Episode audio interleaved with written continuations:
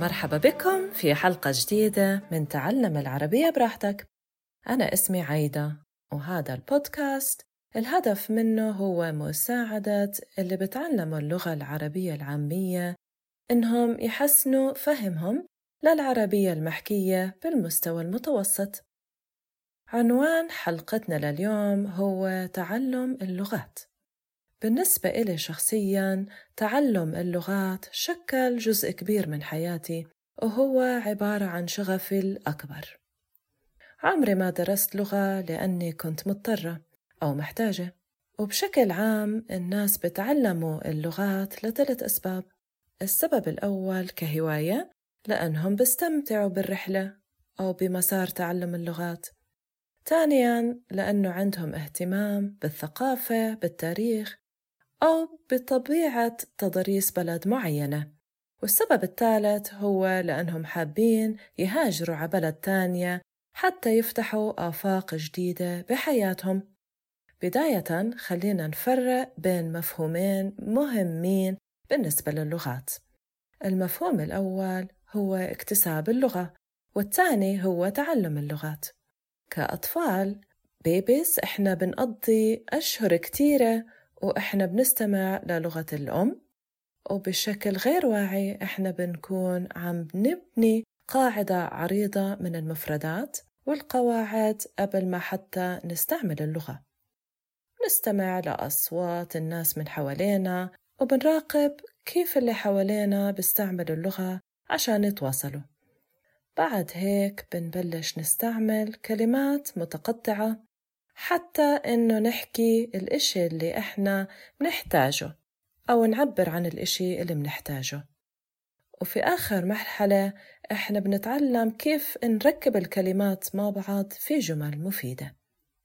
كل هذا بيتم من غير أي منهج بالتعلم المباشر أو بالتعليم المباشر بالأحرى. يعني إحنا بنكتسب اللغة لأنه نحتاجها عشان نعبر عن احتياجاتنا.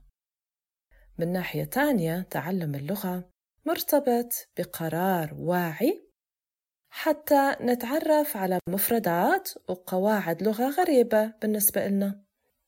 قبل الإنترنت واليوتيوب هذا تم بشكل حصري بس بالصفوف والقاعات سواء بالمدرسة بالجامعة أو بمعهد لغات. تم طبعا استخدام مناهج مختلفة وكل من هاي المناهج بتزعم بأنه هي اللي بنتج عنها أفضل النتائج. بس بعد ظهور البودكاست وفيديوهات اليوتيوب في كتير ناس متحمسين بمجال تعلم اللغات أو تعليم اللغات لجأوا لهاي التطبيقات حتى إنهم يعززوا من مهارات الاستماع والمحادثة.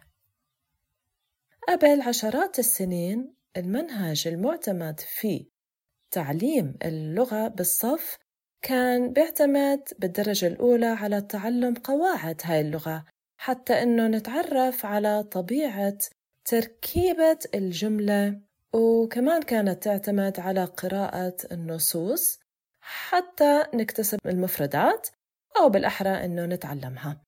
التركيز حاليا عم بنتقل بشكل أكبر تجاه التعرض لهاي اللغة بشكل مباشر عن طريق الاستماع والتحدث.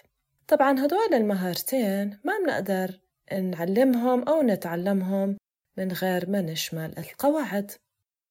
ومن ناحية تانية في عدد من مستخدمي اليوتيوب اللي حاليا عم بشجعوا منهج جديد في تعلم اللغة.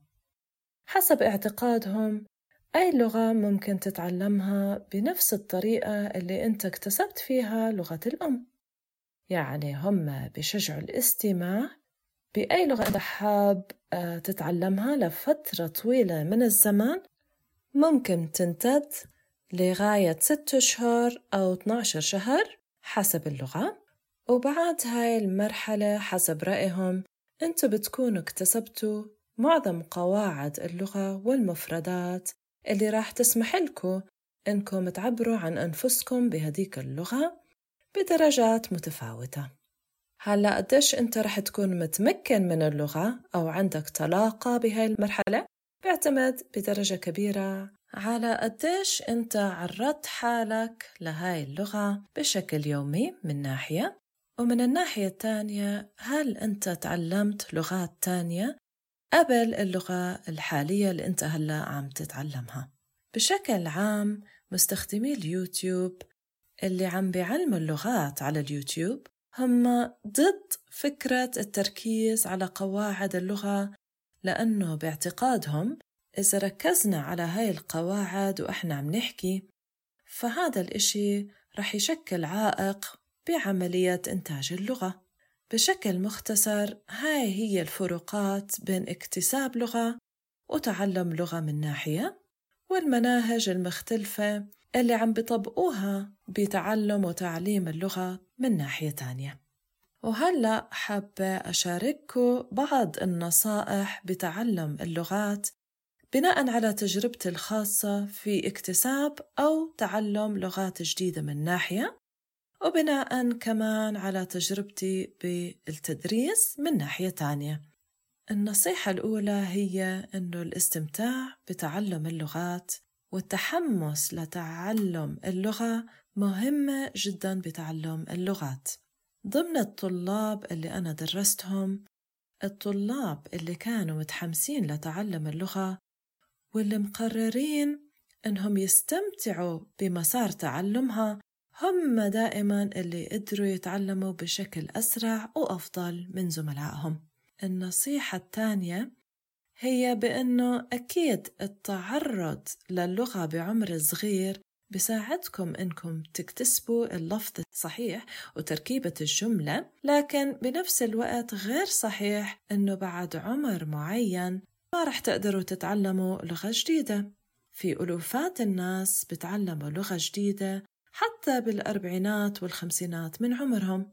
النصيحة الثالثة هي أنه التعرض للغة بشكل يومي أو شبه يومي لمدة 30 دقيقة على الأقل أفضل بكتير من إنكم تعرضوا حالكم للغة لعدة ساعات بنهاية الأسبوع. النصيحة الرابعة لما تسجلوا المفردات الجديدة فهذا بساعدكم كتير إنكم تنتقلوا من مستوى معين باللغة لمستوى أعلى منه بفترة زمنية محددة. لكن هاي الكلمات اللي بدكم تسجلوها لازم تكون مكتوبة ضمن سياق يعني من ضمن جملة أو تعبير معين بهاي اللغة. خمسة التكرار باستخدام أو الاستماع للمفردات الجديدة مهم جدا. ما راح تتذكروا أو حتتذكروا بصعوبة مئات الكلمات اللي أنتم بتتعلموها في كل مستوى إذا ما كررتوها. كيف نقدر نعمل هذا الإشي؟ عن طريق قراءتها كمان مرة عن طريق استخدامها بجمل خاصة فيك أو إنكو تستمعوا لنفس البودكاست أو الفيديوهات على اليوتيوب عدة مرات. النصيحة السادسة مش بس إشي عادي جدا إنكم تغلطوا وإنتوا بتتعلموا اللغة. كل ما غلطتوا وإنتوا عم بتحاولوا تحكوا باللغة الجديدة كل ما حتتفادوا إنكم تعملوا نفس الأغلاط بالمستقبل. أكيد هذا الإشي ما بتحقق من غير نسبة معينة من الإحراج. لكن هذا هو أفضل منهج إنكم تتعلموا بسرعة. في كتير من الحالات إذا عملتوا غلطة وكنتوا واعيين لهاي الغلطة بتزيد الاحتمالية بإنكم ما ترجعوا تعملوا نفس الغلطة المرة الجاي لما تستعملوا نفس الكلمة أو نفس العبارة.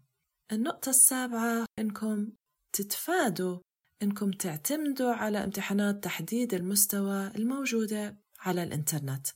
لأنه هاي الامتحانات اللي موجودة على الإنترنت بتعتمد بشكل كبير على القواعد. أكثر مما بتعتمد على قدرتكم بأنكم تعبروا عن أنفسكم بطريقة طبيعية وبدرجة معينة من الطلاقة. اللغة لا تساوي القواعد. اللغة هي عبارة عن كلمات والقواعد هي الجسور اللي بتربط بين هاي الكلمات. النصيحة الثامنة لما تكونوا تحكوا بالمستوى المتوسط الأدنى حاولوا أنكم تركزوا على الطلاقة أكثر من القواعد. الخطوة الأولى بأنكم تتعلموا تحكوا بلغة جديدة هو أنكم تكتسبوا ثقة بأنفسكم. وإذا ركزتوا كتير على القواعد ما راح تقدروا تعبروا عن أفكاركم بسرعة مناسبة.